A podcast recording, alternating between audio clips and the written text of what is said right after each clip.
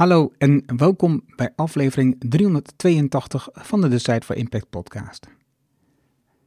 Wij leert van ondernemers en ondernemende mensen die bijzondere resultaten bereiken, welke besluiten ze wie te komen, wat ze doen, de strategie en hoe ze klanten krijgen.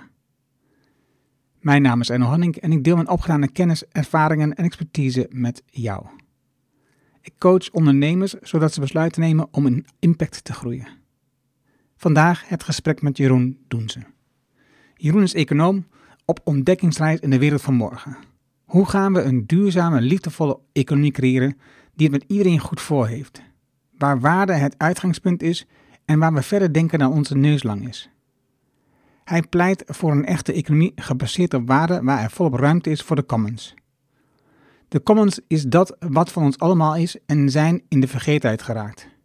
Naast de markt en de overheid kunnen we zaken ook zelf regelen. Dat vertaalt zich in bijvoorbeeld coöperaties, samenwerkingsverbanden en burgerinitiatieven. Mooie voorbeelden zijn Wikipedia, de Buurtmoestuin en Linux.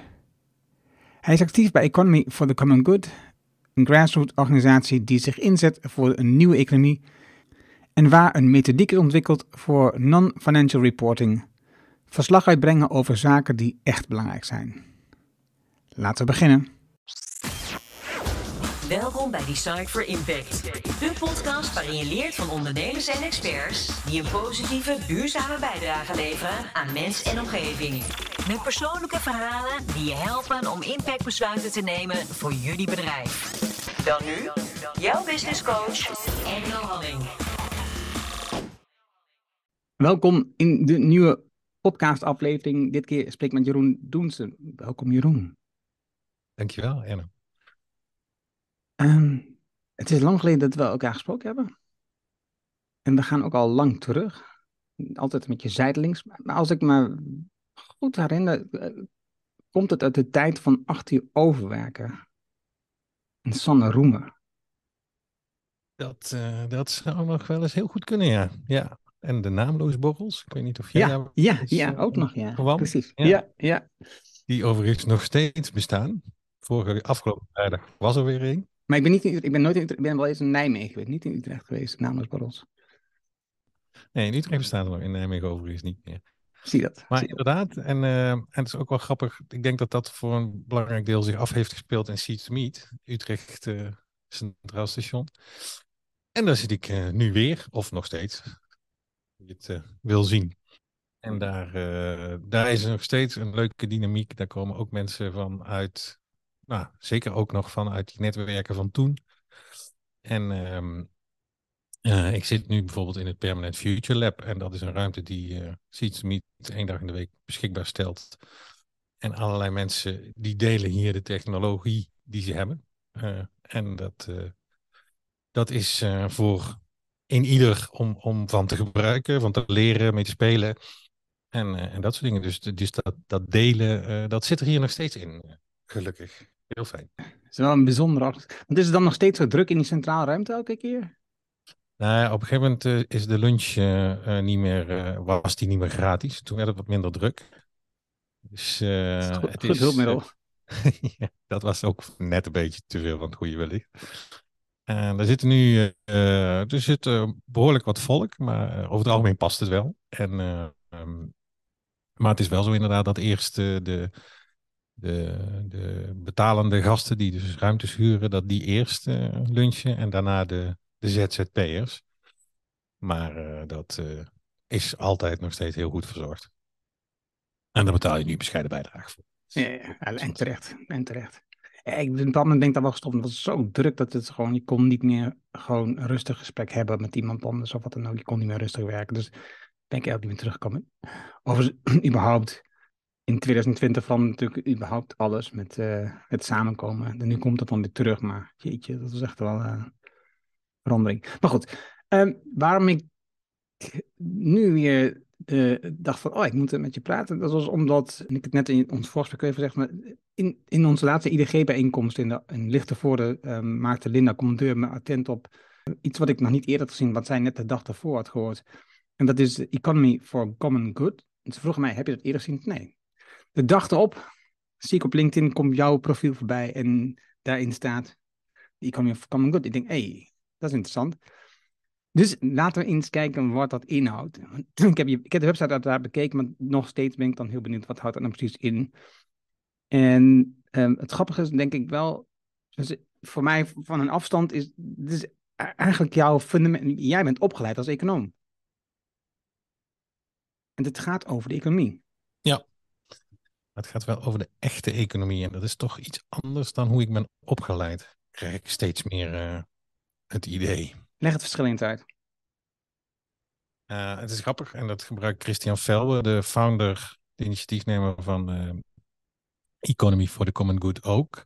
Uh, in de tijd van Aristoteles werd er ook al over economie gepraat. En toen was het heel simpel. De economie, dat gaat over het huishouden, het huishoudboekje, dat je een dak boven je hoofd hebt en kleren en te eten. En het bevorderen van de levenskunst. Dat zou je kunnen vertalen, dat we het beetje leuk en gezellig met elkaar hebben. Maar goed, dat is nog wel breder, uiteraard, over leren en fijn in het leven staan. Um, dat was de oikonomia, de, waar het woord economie vandaan komt. En dan had je nog iets anders, en dat was geld maken met geld. En dat was volgens de filosofen ook geen economie.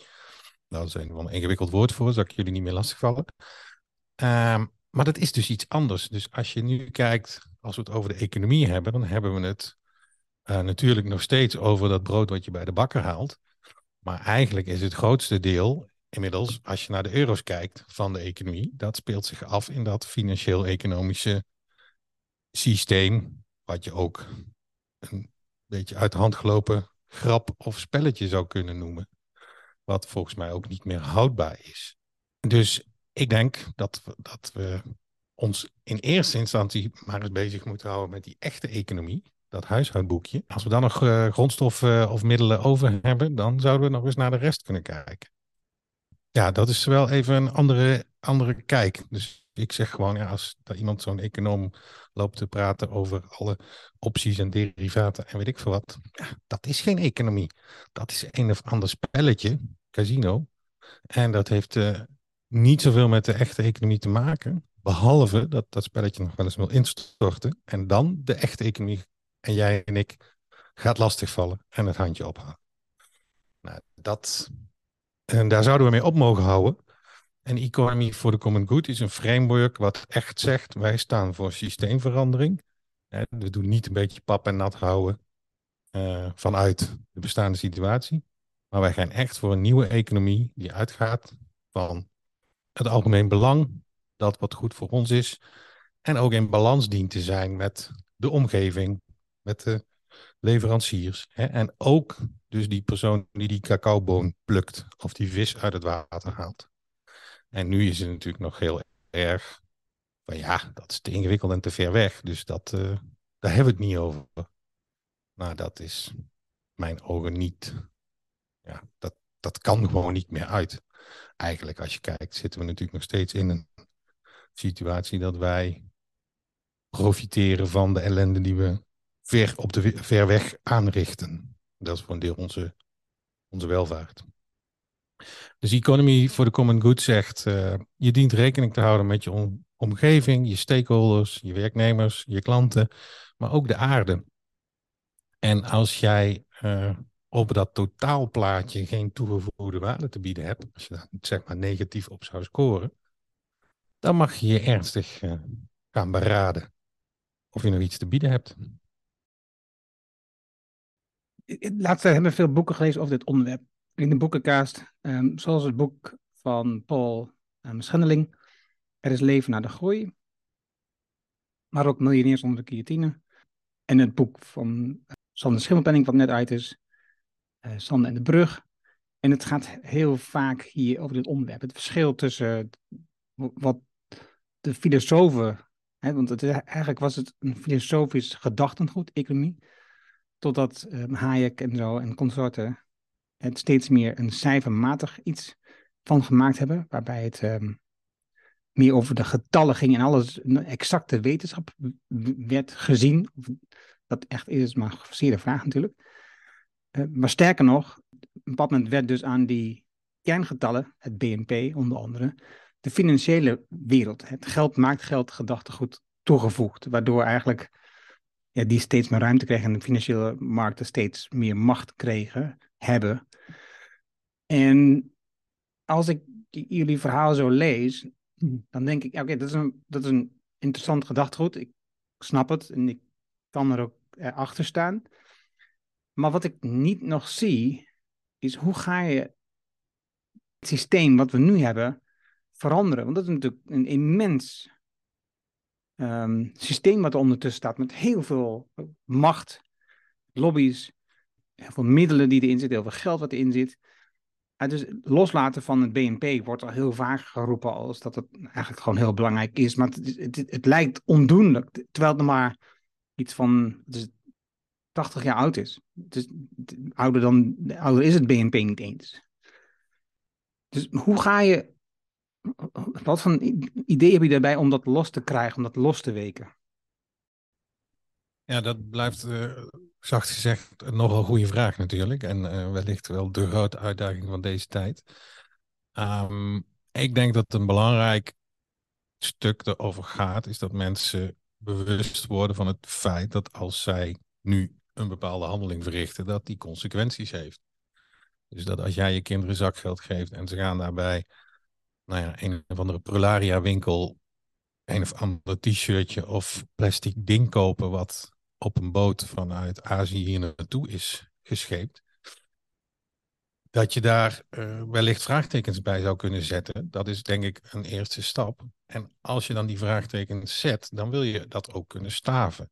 Dus dan zou je ook willen kunnen zeggen: hey, ik heb hier dit shirtje van uh, de Primark uh, uit Bangladesh. En ik heb hier dat shirt wat van duurzaam gekweekte touwhennep uit Nederland is. Ik zeg maar wat.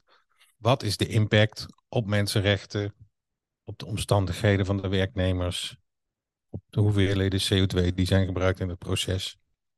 Dus als ik tools ga aanreiken waar mensen ja, dit soort informatie hè, kunnen, kunnen inzien, kunnen ze dat gebruiken om hun keuzes te maken. En uiteindelijk en dat is ook wel, daar is ook wel iets gaande bij de EU ook en zo. Uiteindelijk ga je denk ik wel als een overheid zeggen. Ja, als jij niet kunt aantonen dat jouw product overal, dus als we naar al die aspecten kijken, een positieve bijdrage levert, ja, dan, dan, heffen we een hele hoge belasting of zoiets erop. Of we zeggen gewoon van, uh, ja, dat mag je niet meer importeren. Uh, dat is misschien, uh, lijkt dat nog ver weg. Maar dat is wel, denk ik, een van de wegen die we zouden kunnen bewandelen. Het, het, is, het is een van de consequenties, een van de wetten die nu wordt doorgevoerd door Europa, dat, dat er toeslagen gaan komen op producten die vervuilen. Het is het voorstel, het belangrijkste voorstel uit het boek van Paul Schending, Leven naar de Groei. Dat gaat over belasting heffen op vervuilende consumentenproducten. Gekoppeld aan het uh, lagen van de uh, belasting op arbeid. Zodat het voor um, de mensen die weinig hebben en die willen iets kopen, nog steeds betaalbaar is. He, dat je, want je gaat, met de meeste producten gaan de prijs omhoog, want de meeste komen uit verre landen op dit moment. En dus zitten er heel veel um, dingen aan die wij niet zien, bewust, onbewust. En dus gaan die prijzen omhoog. En er zijn dus natuurlijk straks mensen die dan niet meer kunnen betalen. Maar als we de prijs op arbeid, de belasting op arbeid verlagen, dan kan dit het compenseren. Dat heeft als voordeel, bijkomend voordeel, dat dus een bepaald het repareren weer goedkoper wordt dan een nieuw product kopen. Dus dat komt ook weer meer um, binnenhalen van, van pruttel, zoals we in Tenten zouden zeggen, rotzooi. um, en dus gewoon goede producten komen die repareerbaar zijn. En dus ook de, de Nederlandse producten uit de Nederlandse markt die hier gemaakt zijn ook um, ja, beter te kopen zijn in verhouding tot wat je net zegt, het t-shirtje wat uit Bangladesh komt. En dat, is, en dat is denk ik één ding. Maar dan heb je het dus over vervuilende producten en, true pricing onder andere zit daar dus natuurlijk sterk achter. Maar dan hebben we nog steeds die hele grote financiële markt die met geld geld maakt. De, en dus het percentage wat um, banken verdienen op dit moment aan geld maken, dat is gewoon in de afgelopen, uh, wat was het, 20 jaar, is het gewoon viervoudigd. Met producten die ze verkopen, die eigenlijk gewoon niet toevoegen. Hoe, hoe, Gebakken lucht. gebakken lucht. Hoe gaan we dat veranderen? Zonder al te heel erg stichtelijk over te willen komen. Er staat een verhaal in de Bijbel, en ik vermoed dat dat een verhaal is dat nog gebaseerd is op nog vele oudere wijsheden. Dat iedere 49 jaar, 7 keer 7, dan eh, beginnen we overnieuw. Dan eh, gaat alles weer op nul. En dan eh, is het land weer van, van niemand. En ik vertel dit verhaal omdat ik eigenlijk nauwelijks meer een andere mogelijkheid zie dan dat dat gaat gebeuren. Als je kijkt naar de hoeveelheden geld die er zijn gecreëerd en het tempo waarin dat gaat en de versnelling van dat tempo, dat is, dat, dat is eigenlijk niet eens te bevatten. Dat gaat helemaal nergens meer over. En dat is een eindig verhaal. En we hebben sinds 2008 geen crisis meer gehad. Dus we zitten inmiddels op een jaartje of 15. We zitten, lopen dus eigenlijk een beetje vijf jaar achter op het gemiddelde. Normaal heb je ongeveer één keer in de tien jaar een crisis. Dus het zit er dik in, althans, dat is mijn mening, dat er binnen niet al te lange tijd een echt stevige crisis in die wereld gaat plaatsvinden. En hoe in 2008 zei onze overheid, nou ja, dan gaan we maar banken redden. En uh, daar hebben we dan enige tientallen miljarden voor uitgetrokken. Ik wil even in het midden laten of dat een goed idee was. Maar als ze dat nu weer zouden doen, dan moet daar een nul achter. Hè? Dus dan moeten we banken gaan redden voor honderden miljarden. Dan zou er wellicht iemand op het idee kunnen komen dat dat een slecht idee is en dat we dat niet meer kunnen doen. En dan dondert de hele boel in elkaar. En kijk, ik sta open voor andere scenario's, maar ik zie het verder ook niet, uh, niet, uh, niet anders gebeuren. Dus nou ja, ik denk dat zou zomaar eens kunnen gebeuren. En um, dan heb je eigenlijk ook gelijk een soort uh, vereffening. Want eigenlijk is al het geld gebaseerd op fossiele, uh, fossiele en andere grondstoffen uit de grond halen en in de fik steken of ergens in verwerken. En dan heb je dat eigenlijk ook weer gecompenseerd. En dan beginnen we gewoon met z'n allen op nul, voeren een basisinkomen in en gaan we een economie bouwen op basis van liefde en overvloed. Dat, dat zie ik als een mogelijk scenario, maar ik weet niet of je dat tegenwoordig al mag uitspreken. Ik las dat stuk in jouw um, voorstel voor minister van de Economie van de Toekomst. Ik ja, dit is, dit is een stap te ver. Dit is echt gewoon, dit is... Het grootste deel van de wereld bestaat, laat het iets, laat het iets. Het grootste deel van Nederlanders bestaat gewoon uit mensen die geloven in het systeem zoals het is en geloven in een soort Anglo-Amerikaanse denkwijze, de meritocratie, waarin um, mensen die slimmer zijn, harder werken, um, meer talent hebben, uh, meer verdienen. Dus, en dus daarnaast geloven ze in de, het kapitalistische systeem uh, dat als we het aan de markt overlaten, dan komt het uiteindelijk goed. nou, het is denk ik wel ondertussen bewezen dat dat niet helemaal klopt. En meritocratie zit een deel in 80 tot 90% van waar we staan, heeft te maken met gewoon puur geluk. We helemaal niks aan doen. Dus waarom heb ik dan meer recht op meer geld dan andere mensen die er ook niks aan konden doen? Dus ik moet het eigenlijk uh, aan die mensen geven. Met belastingen zou dat dus kunnen.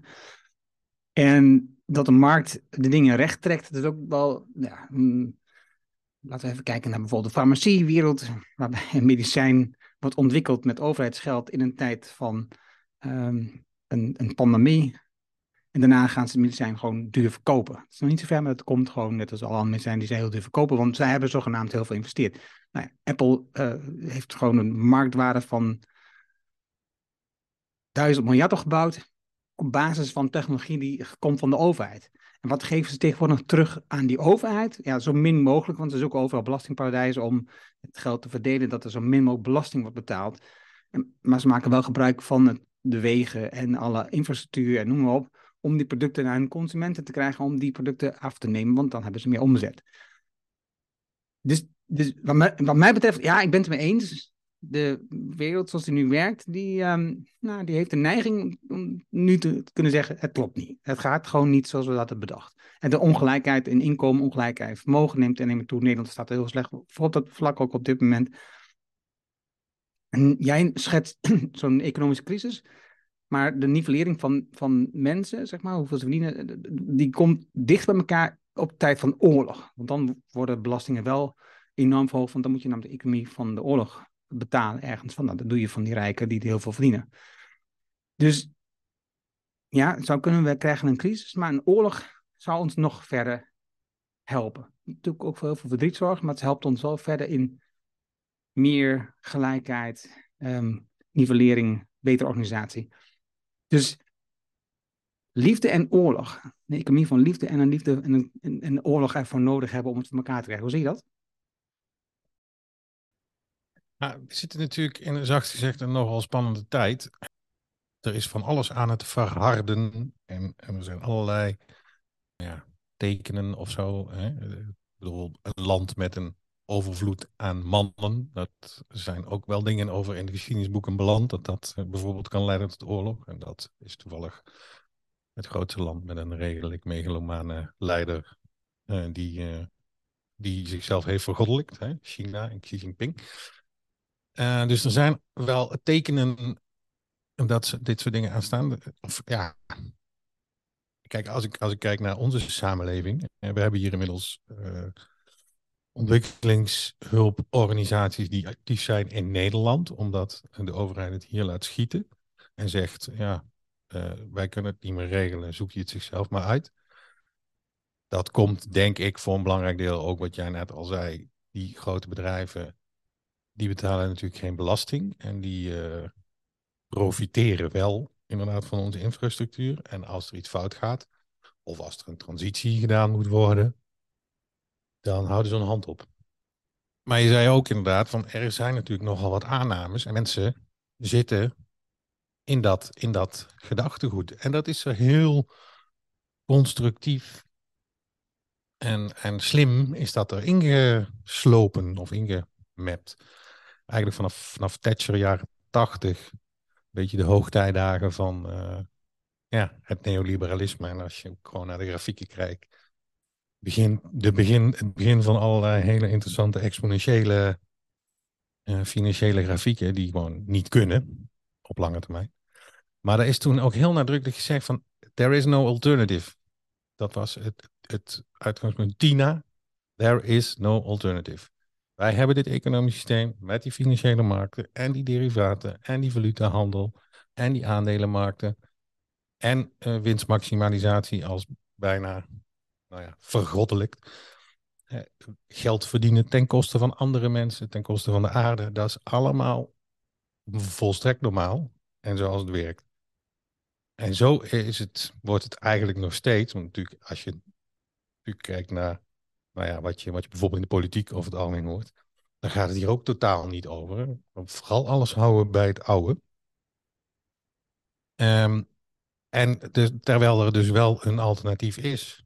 En er zijn dus ook allerlei economen die zeggen dus, tapas, there are plenty of solutions. Dus dat, uh, er is dus wel degelijk een alternatief voor dit circus. En um, wat je dus ziet, door het exponentiële karakter, is het nou zo gierend uit de klauwen aan het lopen, dat ik me wel eens afvraag, uh, wat dan? En dat ik inderdaad misschien een scenario schets wat nou, wat je heftig zou kunnen noemen. Kijk, ik denk dat het wenselijker is dat de Zuidas failliet gaat dan dat we in een oorlog belanden.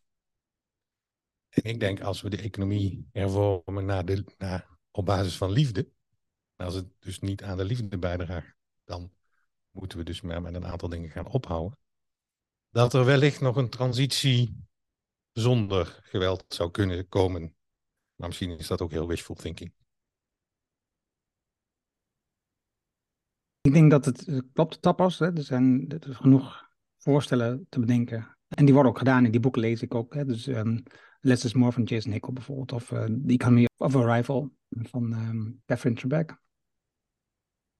Dat zijn, dat zijn voorstellen, wat ik net zei, Paul Schendeling met zijn voorstel uh, is leven naar de groei. Ze hebben allemaal een andere basis, andere fundamenten waarop ze het willen aanpakken. Dus om eens aan te geven dat er dus verschillende alternatieven zijn. Er zijn alternatieven, er zijn al verschillende, om naar de economie te kijken. Dus, dus er is niet één manier, gelukkig maar.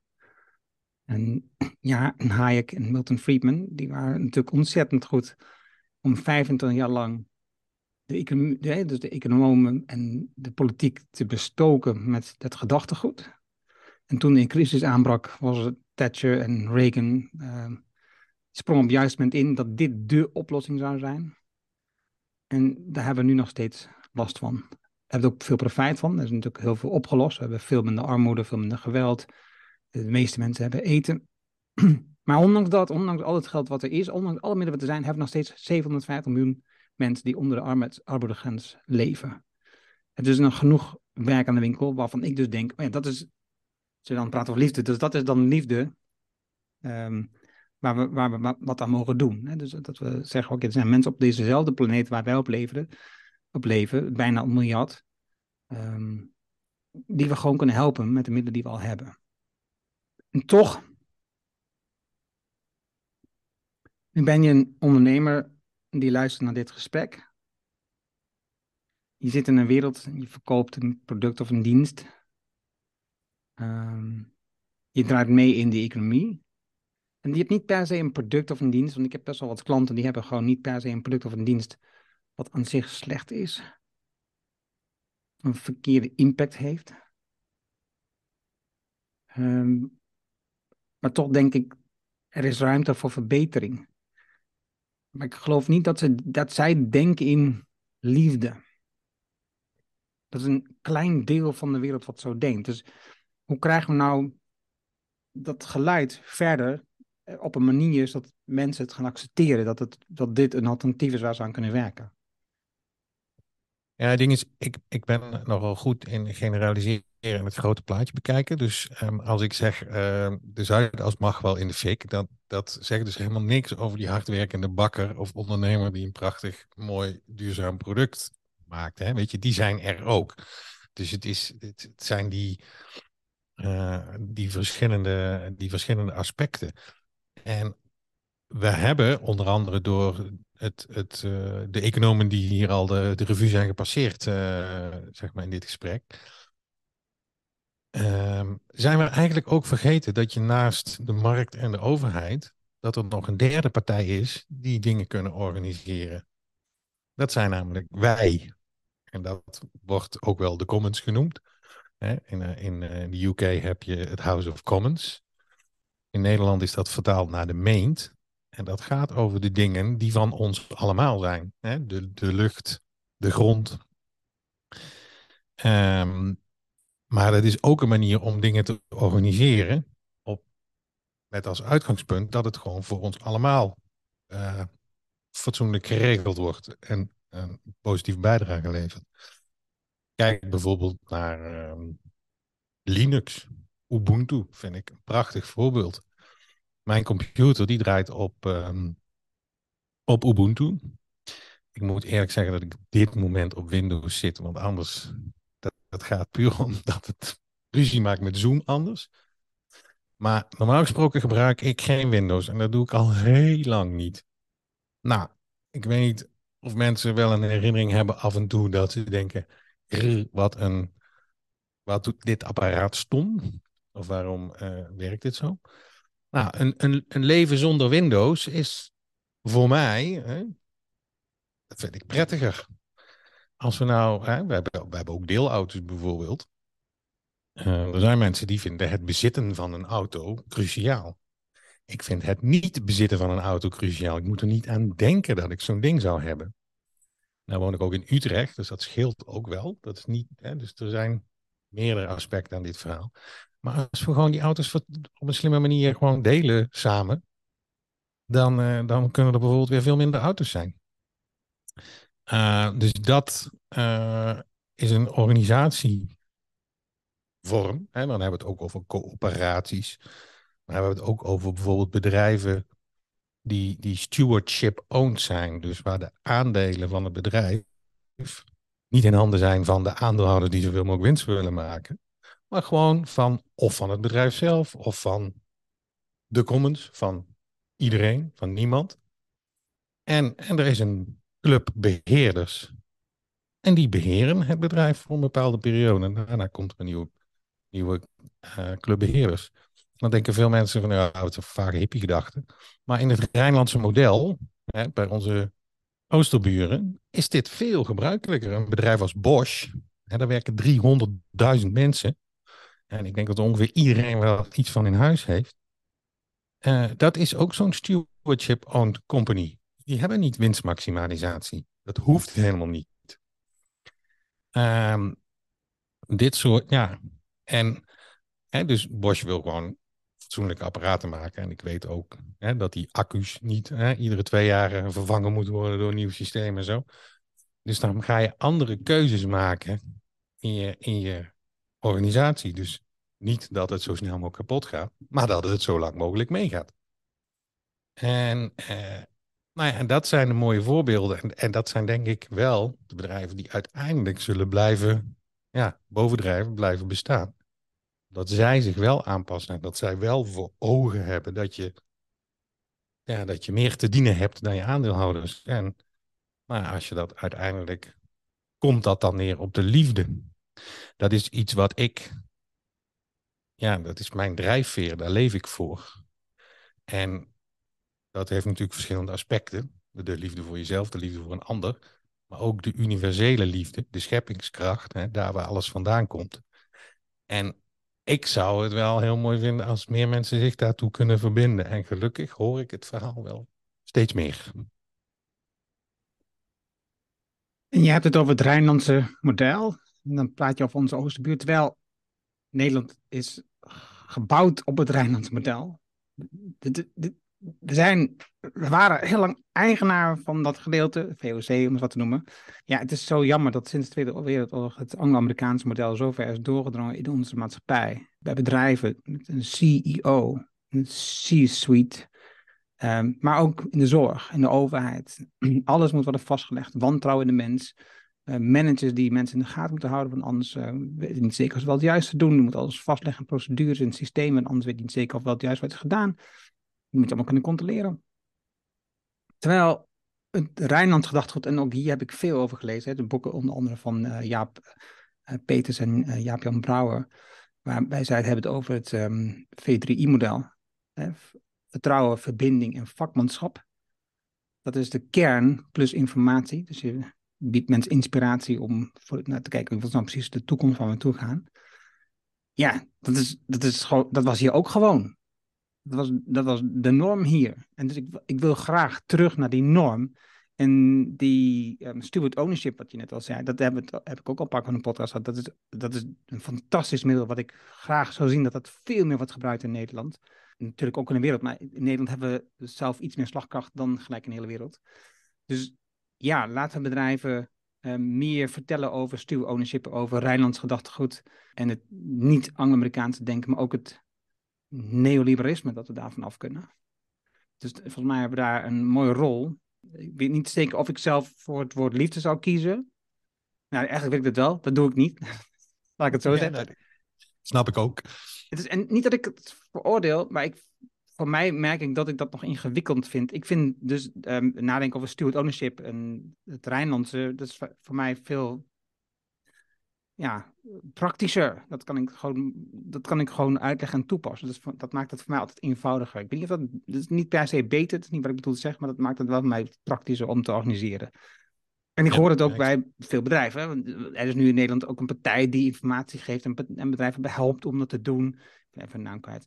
Eh, in de comments, komt vaker terug, dat zien we ook. Uh, ook hier gesprek over gehad. Uh, coöperaties komen steeds meer op. Land van ons, broodfondsen, noem maar op. Dus ook dat vlak zien we een stijging. Maar het mag wel drie tanden harder gaan, zou ik zeggen. Ja, of 23. Het, ergens is is natuurlijk heel mooi als je bijvoorbeeld kijkt naar iets als SDG's. Oh, je pakt zo'n punt armoede eruit. Daar kunnen we iets aan doen. Nou ja, armoede is gewoon een keuze. Hè? Niet van de mensen die in armoede zitten, maar van de politiek. Dus dat is, dat is een keuze om daar iets aan te doen. Maar het is ook een soort versnippering die een beetje afleidt van het grote probleem. Althans, zoals ik het zie. En dat zijn de spelregels en de weeffouten van dat grote systeem waar we het over hebben gehad, dat financiële systeem. Waarbij je eigenlijk ziet dat de spelregels hè, en hoe je exponentieel geld kunt verdienen op basis van gebakken lucht, zullen we maar zeggen, die zijn geschreven door de winnaars. Hè, dus eigenlijk komt het erop neer dat ons financiële systeem eigenlijk een beetje zo werkt van, nou, we doen vandaag kop of munt. Nou, ik, uh, ik had kop, dus ik heb gewonnen. Nou, omdat ik heb gewonnen, mag ik de spelregels veranderen. Dus vanaf nu betekent kop dat ik heb gewonnen, maar munt betekent ook dat ik heb gewonnen. Zullen we weer een spelletje doen? dus zo in die situatie zijn we beland. En ik weet nog dat, of wel tien jaar geleden of zo, Klaas van Egmond, een uh, gerenommeerde econoom die ook uh, het hart op de goede plaats heeft zitten en denkt over de wereld van morgen. En die zei, ja, je weet je Jeroen, zolang die banken geld mogen scheppen, kunnen wij ons verduurzamen en weet ik veel wat allemaal. Maar dan gaat er niet zo gek veel veranderen. Dus naast dat het hartstikke goed is dat we projecten doen om iets te verduurzamen of armoede op te lossen of de gezondheid te verbeteren, moeten we volgens mij ook echt naar die uitgangspunten van dat systeem kijken. Want als die banken geld mogen blijven scheppen, dan blijf je die situatie zo hebben dat wij nu eerst een verhaal hebben gehoord dat door de oorlog in de Oekraïne het gas duurder wordt. Maar dat nu gebleken is, maar dat hadden een aantal mensen van tevoren ook al door, dat het gas duurder is geworden omdat het systeem kapot is. Hè? Ik bedoel, dat duurdere gas, dat geld plant gewoon op de bankrekening van de aandeelhouders van Shell. En we gaan hier als overheid zeggen, nou, dan komt er een prijsplafond en we gaan u steunen. En als u meer dan zoveel procent van uw inkomen aan energie besteedt, dan krijgt u hulp. Dan hebben we waarschijnlijk al, al die systemen die we optuigen overigens, die kosten over het algemeen twee keer zoveel geld. Hè? Dus als iemand 1 euro subsidie moet krijgen, kost dat de overheid 2 euro. Dus het is allemaal knijter inefficiënt. Wel neoliberaal. Uh, terwijl we toch uh, iets heel anders zouden zeggen van, nou, er zijn misschien wat dingen in het verleden misgegaan met het privatiseren van die energiebedrijven en het maatschappelijk belang wat we daarbij in het oog dienden te houden draait de boel gewoon weer terug. de overheid was bereid om geloof ik 30 miljard uit te geven aan het prijsplafond. Daarvoor had je kunnen kiezen om het hele land vol zonnepanelen te leggen. Of de hele energiebranche ja, te nationaliseren en wat partijen te compenseren. Maar het mooie is, hè, we hebben de commons, we hebben de coöperaties. Ik heb mijn energie bij een coöperatie. Ik probeer zeker niet op alles, maar toch af en toe wel practice what you preach te doen. En ik heb toch het idee dat ik beduidend minder heb betaald van, dan per kilowatt dan, uh, dan heel veel mensen. Ik heb ze dat nu gevraagd, van, staat dat al ergens op een rijtje? Kunnen we het gaan vergelijken? Maar ik krijg dus gewoon een bericht, nou, we hebben een prijsstijging, moet. En dan krijg je een paar weken later een mailtje. Nou, het valt toch wel mee. De prijsstijging wordt wat lager. Nu kreeg ik weer een mailtje. Ja, er was toch nog wat geld over. U krijgt nog wat geld van ons terug. Weet je, zo werkt het bij een coöperatie, want die hoeft geen winst te maken. Als we dan gewoon allemaal lid worden van, van een coöperatie op het gebied van energie, dan draaien we eigenlijk privatisering van die markt weer min of meer terug. En dat is een hele interessante gedachte, denk ik. En dat, dat kan zomaar. we kunnen ook allemaal bij de Utrechtse euro gaan. Bestaat ook al. Of de United of een andere alternatieve munt. Dus er zijn heel veel alternatieven. Maar hoe komen we in beweging? Dat is wel eens iets waarvan ik denk, ja, dat, dat gaat over die, die, die tandjes bijzetten, denk ik. Ik heb twee um, gedachten nu hierbij. En ik zeg dat altijd even bewust, want dan kan ik op terugkomen. De eerste is, we hebben best wel over veel dingen nu. En hè, als je praat, zoals jij net zegt, hè, dat het systeem um, op de kop moet. En we moeten terug naar uh, een basisloon voor iedereen. En uitgaan van de economie van de liefde. Um, dat, is, dat is een hele grote, immense verandering. Daarnaast had je het over bijvoorbeeld, ik rij zelf geen auto meer. Ik denk dat het veel beter zou zijn dat iedereen overgaat naar een auto delen. Hè, dus wat de autobranche wil, de autobedrijven willen, is gewoon dat iedereen overgaat elektrisch. Dus dat we gewoon meer auto's hebben uiteindelijk, want dan verkopen ze meer. Terwijl als ik dan kijk bijvoorbeeld naar iemand als uh, Katja Deal, die heeft het boek Autocorrectuur geschreven, die heb ik ook een podcast geïnterviewd. En zij is gewoon heel erg bezig met het gedachtengoed rondom de auto veranderen in de, in de wereld. En dat doet ze in Duitsland, daar, daar, is ze heel erg actief. En nou Duitsland, is toch een automarkt waar de auto echt super belangrijk is. Er zijn iets van vijf grote autobedrijven in Duitsland al in al, uh, automakers. Dus het is een enorm gevecht wat ze aangaat, maar wel heel erg specifiek. Dus ik denk dat het enorm helpt als we meer mensen hebben die op een specifiek onderwerp, zoals bijvoorbeeld um, iemand uh, die het heeft over dat steward ownership, dat die zich daar helemaal op richt. Want dan kun je wat, dan kun je verandering. Het kan nog lang duren, maar dan bereik je verandering dat meer mensen aan die boodschap gaan aanhangen in plaats van een hele grote boodschap. Dat is het ene wat ik dacht. En het tweede wat ik dacht, je hebt over economie en ik zag ook ergens in je LinkedIn ergens een update en het ging ook over dat je les gaf in, in economie op een, op een middelbare school, geloof ik. En er kwam ook natuurlijk bitcoin, hè, dus de digitale munteenheid naar voren. En dat is dan de vraag waar ik mee begin. Hoe zie je dan de, de bitcoin, en dat is niet het juiste woord, ik weet het, want dat, maar dat, dat woord kent wel iedereen. Hoe zie je dat nou als, is dat een oplossing? Is, dat een, is het eigenlijk hetzelfde probleem wat we veroorzaken? Nog meer gebakken lucht? Hoe zie je dat? Ja en ja. Als je sec kijkt naar de bitcoin, dan zie ik daar eigenlijk gewoon meer van hetzelfde. Dat is een munt waarvan een heleboel in het bezit is van een hele kleine groep. Dat weten we niet eens precies hoe dat allemaal zit. Waarin speculatie een heel belangrijk punt is. En waarbij het uitgangspunt waarde, nou ja, daar kun je ook van alles over zeggen. er moet een hoeveelheid energie verbruikt worden om tot een bitcoin te kopen, komen. Dat heeft waarde, maar niet denk ik de slimste manier om energie, uh, onze energie, die we toch niet in overvloed nog hebben, om die te verspillen. Um, dus de bitcoin aan zich zie ik niet als een oplossing. Maar de techniek erachter, het decentrale van de blockchain of varianten daarop, waarbij we dus een systeem kunnen draaien dus, uh, bijvoorbeeld dus een wereldwijd financieel systeem zoals de bitcoin. Zonder dat daar banken of instellingen of normeringsclubjes of weet ik veel wat zich mee te maken hebben. En dat zie ik absoluut als een hele interessante ontwikkeling en mogelijkheid voor de toekomst. Omdat je volgens mij ziet dat er is al een beweging, die is al gaande denk ik, dat we meer dingen lokaal gaan organiseren. Ik vraag me wel eens af wat zeg maar, de, de, de landelijke overheid, wat die nog voor bestaansrecht heeft, behalve problemen creëren en ze groter maken. En zeggen dat ze er niks aan kunnen doen. Maar dat zeggen ze dan nadat ze lang genoeg hebben gewacht tot het probleem groot genoeg is dat ze er niks aan kunnen doen. Nou ja, dat, dat, dat riedeltje, dat heeft niet zo eh, heel veel zin meer. Dus als wij die dingen op basis van waarde en eerlijke afspraken, als we zo uh, met geld om kunnen gaan, hè, dus dan heb je niet meer een derivaat op een optie, op een future of weet ik veel wat, hoe ze het allemaal verzonnen hebben. Maar dan gaat het gewoon over concrete waarden. Is dat in potentie wel een eerlijk financieel, uh, of een eerlijke munt of een financieel stelsel van te maken. En dat vind ik absoluut zeer interessant.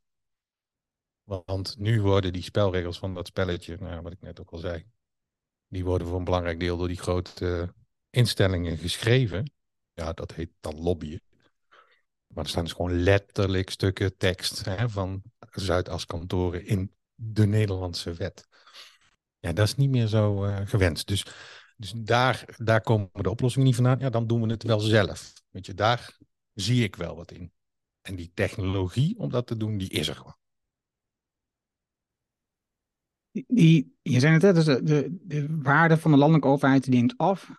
Ik kan daar enorm in vinden. Ik zeg dat ook steeds meer. En ook de provinciale overheid is voor mij ook een overbodig systeem aan het worden. Ik zie wel wat in de regionale overheid. Hè, dus dat je dingen um, in regionale gebieden met elkaar organiseert. En daar is een overheid wel handig om dingen te organiseren. Is ook krachtig. En daarnaast zie ik de waarde van de Europese overheid. Uh, omdat je dan krachtig uh, markten kunt organiseren, afschermen. heffingen organiseren. Dus je dus zelf in je, in je eigen markt producten maakt die wel goed zijn, dan moet je er wel voor zorgen dat de producten die naar binnen komen die niet goed zijn, gewoon stevig belast. En dat is wel handig dat je een Europese afspraak hierover maakt en niet in je eentje daar zit daarvoor te vechten. Dus ik, ja, ik kan me daar echt in vinden. Maar wat zie jij in het stuk dat je vanuit, um, als ik kijk naar, ik moet even terug naar, hè, dus de drie aandachtsgebieden waar um, jullie aan werken. En dus dat is dan educatie, economie en politiek. En dat is heel erg breed. En, en net gaf ik aan, als je dat soort mensen hebt die veel meer activistisch zijn en, en een heel klein onderwerp pakken, waardoor ze uh, makkelijker worden uitgenodigd voor gesprekken, omdat op het moment dat je praat over de auto-industrie of, of, of uh, de straten lopen vol, dan weet je snel, oh, dan, als ik een tegen word, dan moet ik Katja Deal hebben, want die uh, heeft het boek en zo. Dus dat maakt het een stuk eenvoudig. Hoe zie je dat aspect in verhouding tot wat jullie aan het doen zijn? Nou ja, dat maakt het inderdaad af en toe nog wel eens lastig. En, en zoals je het net omschreef, zo kan ik ook wel naar mezelf kijken, denk ik. Ik ben dus juist, maar dat is, ja, weet je, dat zit in mij. Ik, ik kijk juist naar dat grote plaatje. Hoewel ik dat detail enorm belangrijk en interessant vind en daar ook wel naar kan kijken. Maar ik zoom ook uit. Um, dus ja, dit gaat wel over, dat, over die systeemverandering. Maar het wordt, in ieder geval, dat is wel de poging om het te vertalen en, en weet je, op aarde te zetten in, in hapklare blokken. dus als jij met je onderneming aan de slag wil gaan, dan ga je dus bijvoorbeeld volgens de Economy for the Common Good werkwijze, ga je eens eerst je organisatie in kaart brengen. En dan ga je dus kijken van, hoe zit het met de mensenrechten in mijn uh, supply chain? Als je daar dus dingen van, begin dat maar eens gewoon überhaupt in kaart te brengen, zonder enige oordeel of ambitie. Vanaf dat moment heb je wel concrete handvaten of krijg je ideeën wat je, wat je zou kunnen willen, kunnen of willen veranderen, beter doen. Kan je doelen stellen, kan je hè, met een dashboard aan de gang gaan. Dus dan ben je wel nog steeds bezig vanuit dat stramien van die systeemverandering. Maar je past het wel toe hè, bij jou in jouw fabriekje of winkel of wat het dan ook precies is. Ik denk wel dat dat kijken naar dat grote plaatje belangrijk is. Maar ik weet ook wel vanuit de verhalen die ik zelf vertel dat dat ook geregeld niet aankomt. Uh, dat is ook wel een leermomentje. Maar we kunnen het niet, uh, tenminste denk ik, kunnen dat niet verzwijgen. Of denken van, dat komt wel goed. Want daar zit namelijk nogal iets heel hardnekkigs. Ja, ja ik, en ik zag op jullie website dat, um, en ik zeg altijd jullie, maar ik ga vanuit dat jij je ook zo betrokken voelt bij... bij ja, ja. maar ik zag, dat dus uh, Antje van de Wiets, uh, spreekt het vast niet goed uit, CEO van Food Sport GmbH, dus een Duits bedrijf dus.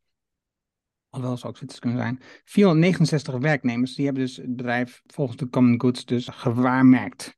Met een Common Good balans. Is het een, en je, want je schetst ook net dat je straks een soort dashboard krijgt dat je daar dingen op meet om te kijken. Dus in kaart brengt hoe het ervoor staat, wat, wat de producten die je naar binnen haalt, de grondstof die je gebruikt, de mens die je inzet. Maar is het een, is het een, een tussen quotes, concurrent van B Corp?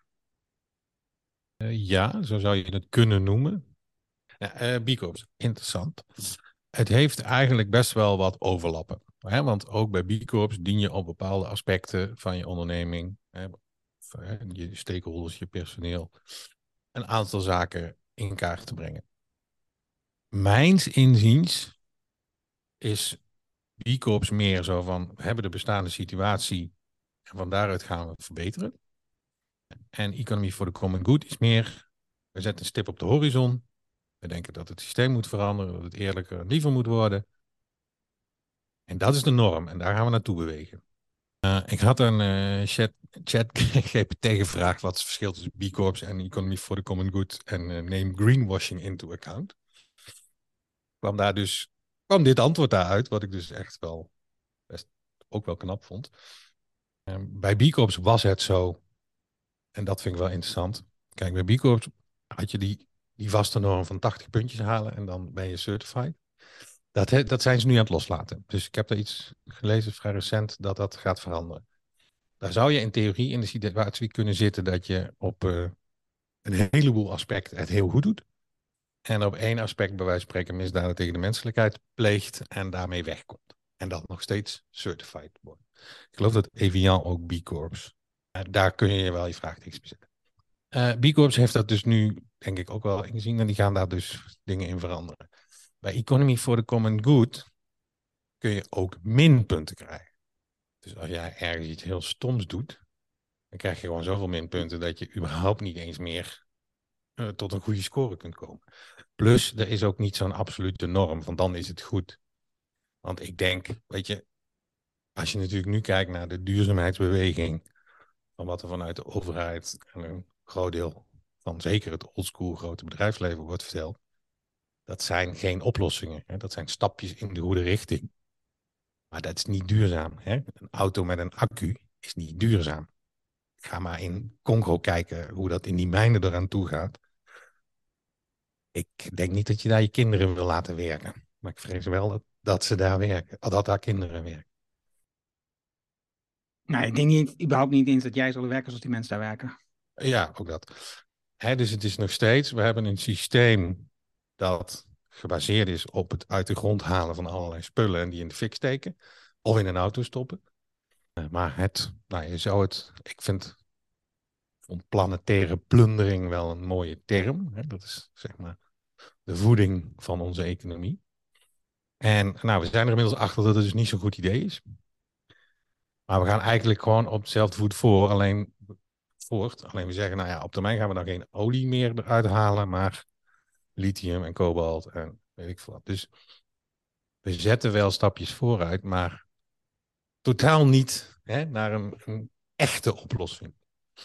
Hè, die zijn er natuurlijk wel, maar die worden niet door, uh, door de Shells en BP's gepropageerd. Want ja, die weten eenmaal waar het geld halen is. Als ik kijk naar B Corp, ik heb zelf een vrij Anglo-Amerikaans gevoel bij het systeem. Systemen, checklisten, lijsten, mensen die komen controleren, inspecteurs heb je nodig. Dus voor mij heeft het een erg Anglo-Amerikaans systeem. Natuurlijk, mensen die het hebben ingevoerd zijn altijd super enthousiast. Het is in ieder geval een manier om te beginnen. We zien vooruitgang, we, we nemen de eerste stappen, we beginnen met de koelkast en de ledlampjes.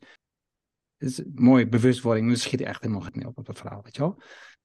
Dan komt dan de kritische vraag voor mij in dit stuk zitten jullie op hetzelfde vlak? Zie je, zie het, als een, zie het als een Rijnlands systeem of zie je het als een Anglo-Amerikaans systeem? Nou, Christian Felber, de professor in Wenen die het uh, heeft geïnitieerd. In Oostenrijk en in Duitsland is het stukken groter en, en uh, bekender dan, uh, dan in Nederland. Nou, dat zijn natuurlijk bij uitstek Rijnlandse landen. Dus zou ik op basis daarvan kunnen zeggen dat het meer in die trant is op zich wel. Ik denk eigenlijk dat het misschien nog wel verder gaat. Want bijvoorbeeld dingen als, als rente. Ja, uiteindelijk weten we daar ook van dat dat niet uit kan. ik bedoel, er is voor rente bijvoorbeeld wel iets, iets voor te zeggen. Maar we zien de resultaten en die zijn exponentieel. En dat is niet te handelen. Dus dat, dat fenomeen dat kan niet op lange termijn. Dus misschien gaat het nog wel verder dan Rijnlands. Dat weet ik niet helemaal precies. Maar uh, volgens mij is het niet Anglo-Amerikaans in ieder geval. Oké, afsluitende vraag. Nee, ik ben niet, ik niet, zeker of een vraag, maar in ieder geval afsluitend over dit stukje. Dat is denk ik beter. Stel je gaat nu terug naar jouw opleiding. Je economics in Maastricht.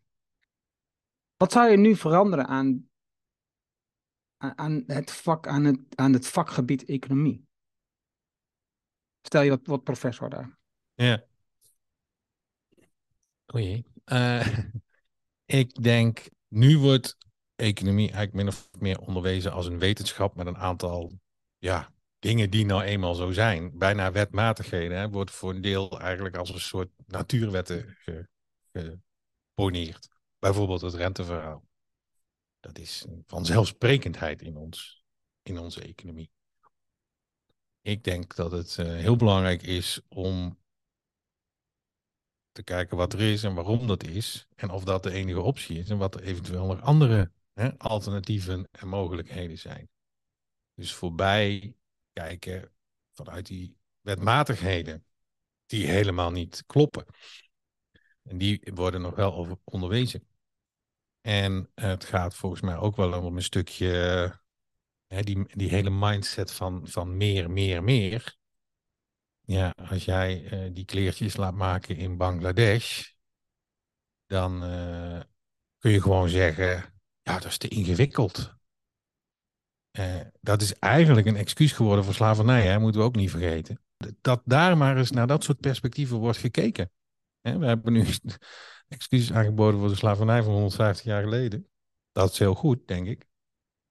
Maar gaan we nu ook weer 150 jaar wachten dat we excuses aanbieden voor toch ook redelijk slavernij en planetaire plunderen-achtige anglo-saxische model? Ik zou er wat eerder mee op willen houden. En dat perspectief, dat wordt zo normaal gevonden. Ja, als zo'n directeur van Boskades uh, zegt van ja, we moeten niet een verantwoord ondernemerwet hebben, want dan kan ik natuurlijk niet meer geld verdienen met uh, her en der dingen slopen en, en mensen uitbuiten.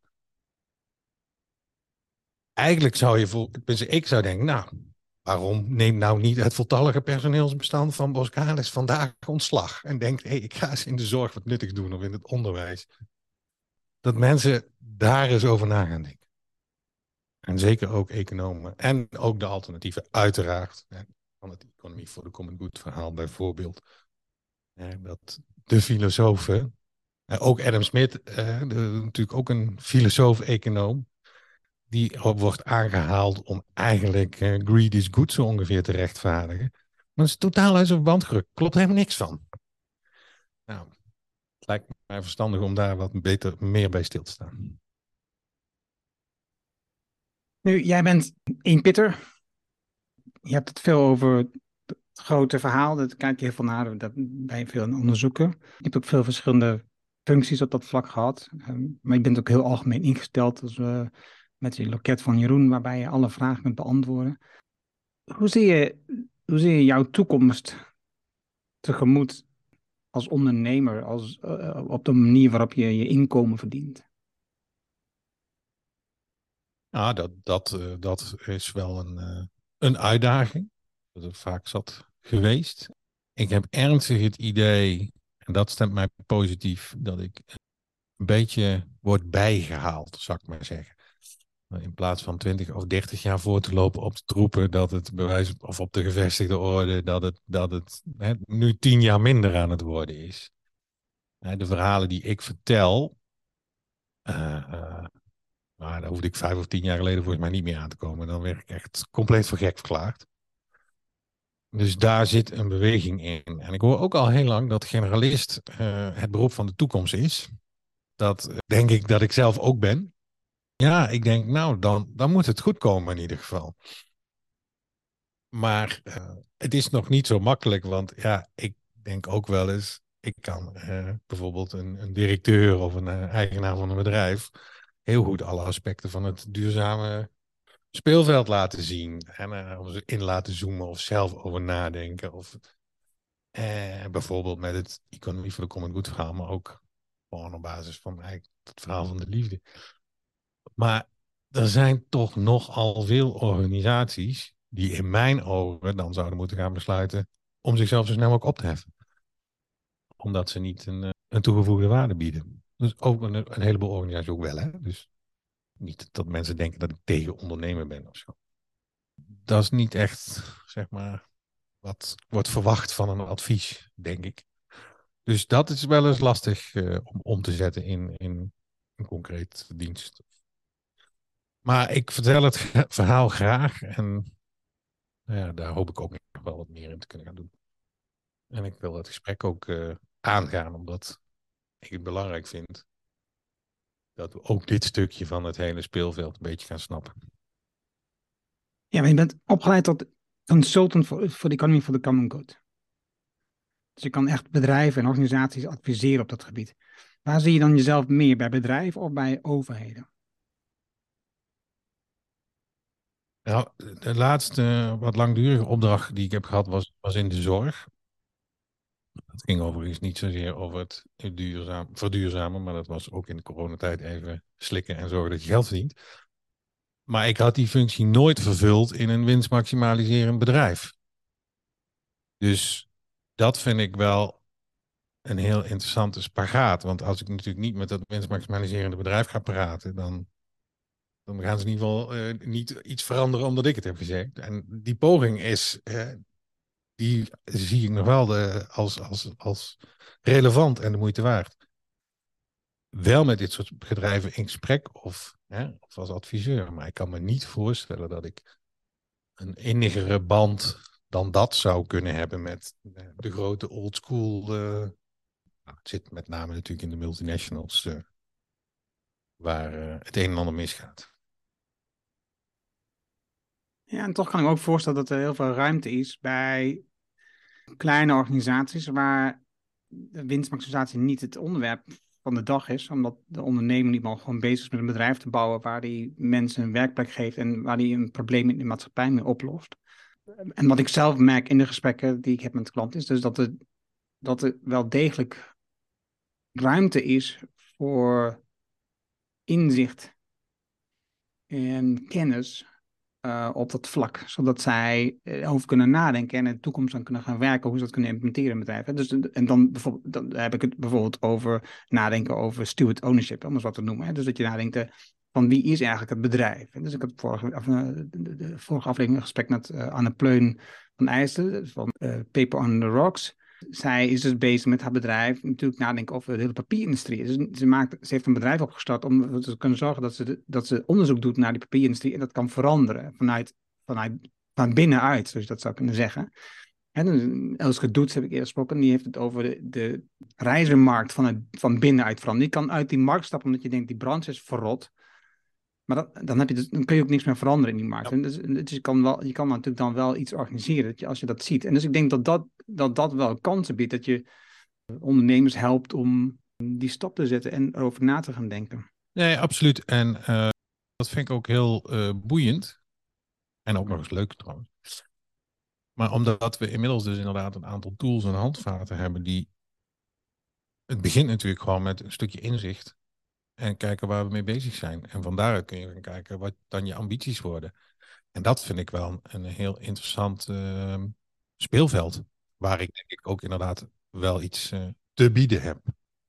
En het leuke is met die uh, economie voor de common good methodiek. Er is inderdaad een variant met auditors die jouw rapport gaan beoordelen. Maar het is ook een manier om gecertificeerd te worden door met peer uh, reviews te werken. Zodat je gewoon met andere ondernemingen aan de slag gaat. En dan juist niet dezelfde. Hè? Dus dan gaat dus de bakker met, uh, met de farmaceut bij wijze van spreken. Dus zo kan je dus ook uh, ja, met deze methodiek aan de slag. En dan heb je daar heel veel zelfde regie op. En dan kan iemand zoals ik het een en ander duiden en je die handvaten bieden om daarmee aan de slag te gaan. En ook met je over de uitkomsten praten en de ambitie. dat is echt interessant. Dat, is, dat had ik niet in de voorbereiding niet goed genoeg gelezen, blijkbaar. Dus ik niet gezien. En dat is, een, dat is een interessante um, oplossing. Ja. En ook eentje die mij echt aanspreekt en ook heel Rijnlands klinkt, wat mij betreft. Eh, dus uh, als je dat samen doet, want je kunt dan van elkaar leren. En je ontwikkelt de vakmanschap en er zit een verbinding. Dus, het, uh, ja, dus als ik dat aspect al meeneem, dan denk ik, ja, dat klopt heel erg voor mij. Veel meer dan een auditors die het, die, het gaan controleren. Dat klinkt, dat geeft mij, werkt dat een soort weerzin op. Je hebt verschillende activiteiten, jobs, functies gehad in de afgelopen jaren. Wat is het belangrijkste wat je, wat je geleerd hebt, wat je, wat je nu nog steeds gebruikt? Nou, dat is denk ik wel wat, uh, wat ik bij Common Easy heb, uh, heb geleerd en wat ik zelf heb omschreven als vertrouwen schaalbaar maken. De nieuwe manieren van samenwerking, die dus, denk ik, minder hiërarchisch zullen zijn. Meer samen, meer basisgelijkwaardigheid. Dat is ook een heel interessant en delicaat en ingewikkeld proces van hoe ga je het borgen dat het ook gaat werken. En mensen elkaar kennen, en die verbindingen tussen mensen, dat kan daar een hele interessante tool voor zijn. Bij Common Easy is het zo dat als je ziek wordt, Dan krijg je hulp van je directe connecties, dus je vrienden, maar ook de vrienden van je vrienden en hun vrienden. En zo kan je eigenlijk best eenvoudig oneindig schaalbaar systeem maken dat bijvoorbeeld, denk ik, de hele verzekeringsmarkt overbodig zou kunnen maken. Weet je, dat kunnen we gewoon zo organiseren. Scheelt ons waarschijnlijk de helft van het geld. Dus dat is denk ik wel, ja, relevant geweest. Helaas ben ik er niet bij betrokken. Mooi. Klinkt, klinkt mooi. Het geeft ook weer het Rijnlands gedachtegoed. En wat ik ook interessant vind en veel mee bezig ben, is met het horizontaal organiseren. Dus een holocatie-systeem bijvoorbeeld. Dus dat, zijn, ja, dat, uh, ja, dat is super interessant. Laatste vraag wat mij betreft nu is, en ik heb al een paar boeken net genoemd in het geheel, maar stel dat je als medewerker van Pascalis bijvoorbeeld, of van Shell, maar ook als ondernemer uh, meer wilt leren over dit onderwerp, over de common goods en, en, het liefdestuk, uh, een gelijkwaardig systeem. Wat zijn boeken, wat oh, is een boek wat jij zou adviseren op het vlak? Ja, ik moet eerlijk zeggen dat ik niet heel veel boeken lees, maar ik heb er wel meegenomen. Christian Velber, Ware Winst, in het Engels Common Good Economy volgens mij. Ja, dat Ware Winst is een beetje een onhandige vertaling van de Common Good. Maar dit is eigenlijk wel, ik vind het een heel mooi leesbaar boek, die uh, zowel dat hele geschiedenisverhaal en het bewustzijnsaspect behandelt, maar dus ook met een concrete methodiek en oplossingsrichting komt. Nou ja, ik heb meer liggen, dus dat is. Die zou ik dan doen. Goed. Die ga ik uh, even bestellen om het te lezen. Ben zeer benieuwd daarna. Jeroen, ik uh, dank je hartelijk voor jouw inzichten die je hebt gedeeld. Ik heb meer geleerd over nou, een, een gelijkwaardige samenleving op, op basis van liefde. En het komt nu wat makkelijker aan mijn mond uit dan daarvoor. maar gewoon überhaupt uh, de gedachtegang over de economie en het, het, het, laten instorten van de sidehouse en het veranderen van het economisch systeem, uh, financieel moet ik zeggen, financieel systeem. Uh, ja, ja, ja, helemaal eens. laten we dat organiseren. En coöperaties, dat is een belangrijk middel en een goede weg om ermee in slag te gaan. En dan kun je zelf vrij eenvoudig organiseren en ergens lid van worden. Maar dat, want het is er gewoon al. Weet je, wel? je kan, kan gewoon lid worden van dit soort coöperaties. Dus dank voor het delen van je inzicht en kennis. Ik heb ervan genoten, ik heb weer geleerd. En um, nou, graag tot de volgende keer. Superleuk, heel graag gedaan. Dat was het gave gesprek met Jeroen. Je vindt de namen en links die we noemden in het artikel dat bij deze uitzending hoort. Ga daarvoor naar decideforimpact.com slash show 382. Wil je vanzelf automatisch de volgende aflevering van deze podcast op je telefoon ontvangen? Dat kan heel eenvoudig. Heb je een iPhone, dan zit er de standaard Apple Podcast app op. Open deze app, zoek op de Decide for Impact podcast en klik op abonneer. Oh ja, zet even een vinkje aan dat je ook de aflevering wilt downloaden. Heb je een Android-telefoon? Installeer dan eerst bijvoorbeeld de Player FM app. Open deze app, zoek de Decide for Impact podcast op en klik op abonneer. Dankjewel hiervoor. Heb je vragen, opmerkingen, reacties over deze aflevering met Jeroen of over de podcast in het algemeen? Stuur dan een e-mail naar podcast@decideforimpact.com. Ik hoor super graag van jou. Wil je meer impact, meer resultaat, meer effect van je werk en meer effect voor de mensen met wie je werkt? Download dan het whitepaper Winst en Impact met lange termijn besluiten op decideforimpact.com. Dit is mijn nieuwste whitepaper en je downloadt het daarom helemaal gratis. Je hebt zelfs een e-mailadres nodig. Mijn nieuwste boek is altijd gratis, vraag het daarom nu aan. Vraag jouw whitepaper nu aan op decideforimpact.com. Ik weet, je hebt een volle agenda, je leest het in één avond tijd. Dankjewel voor het luisteren en graag tot de volgende. Dankjewel voor het luisteren naar deze aflevering van de Decide for Impact podcast. Ga voor jouw volgende stap naar decideforimpact.com.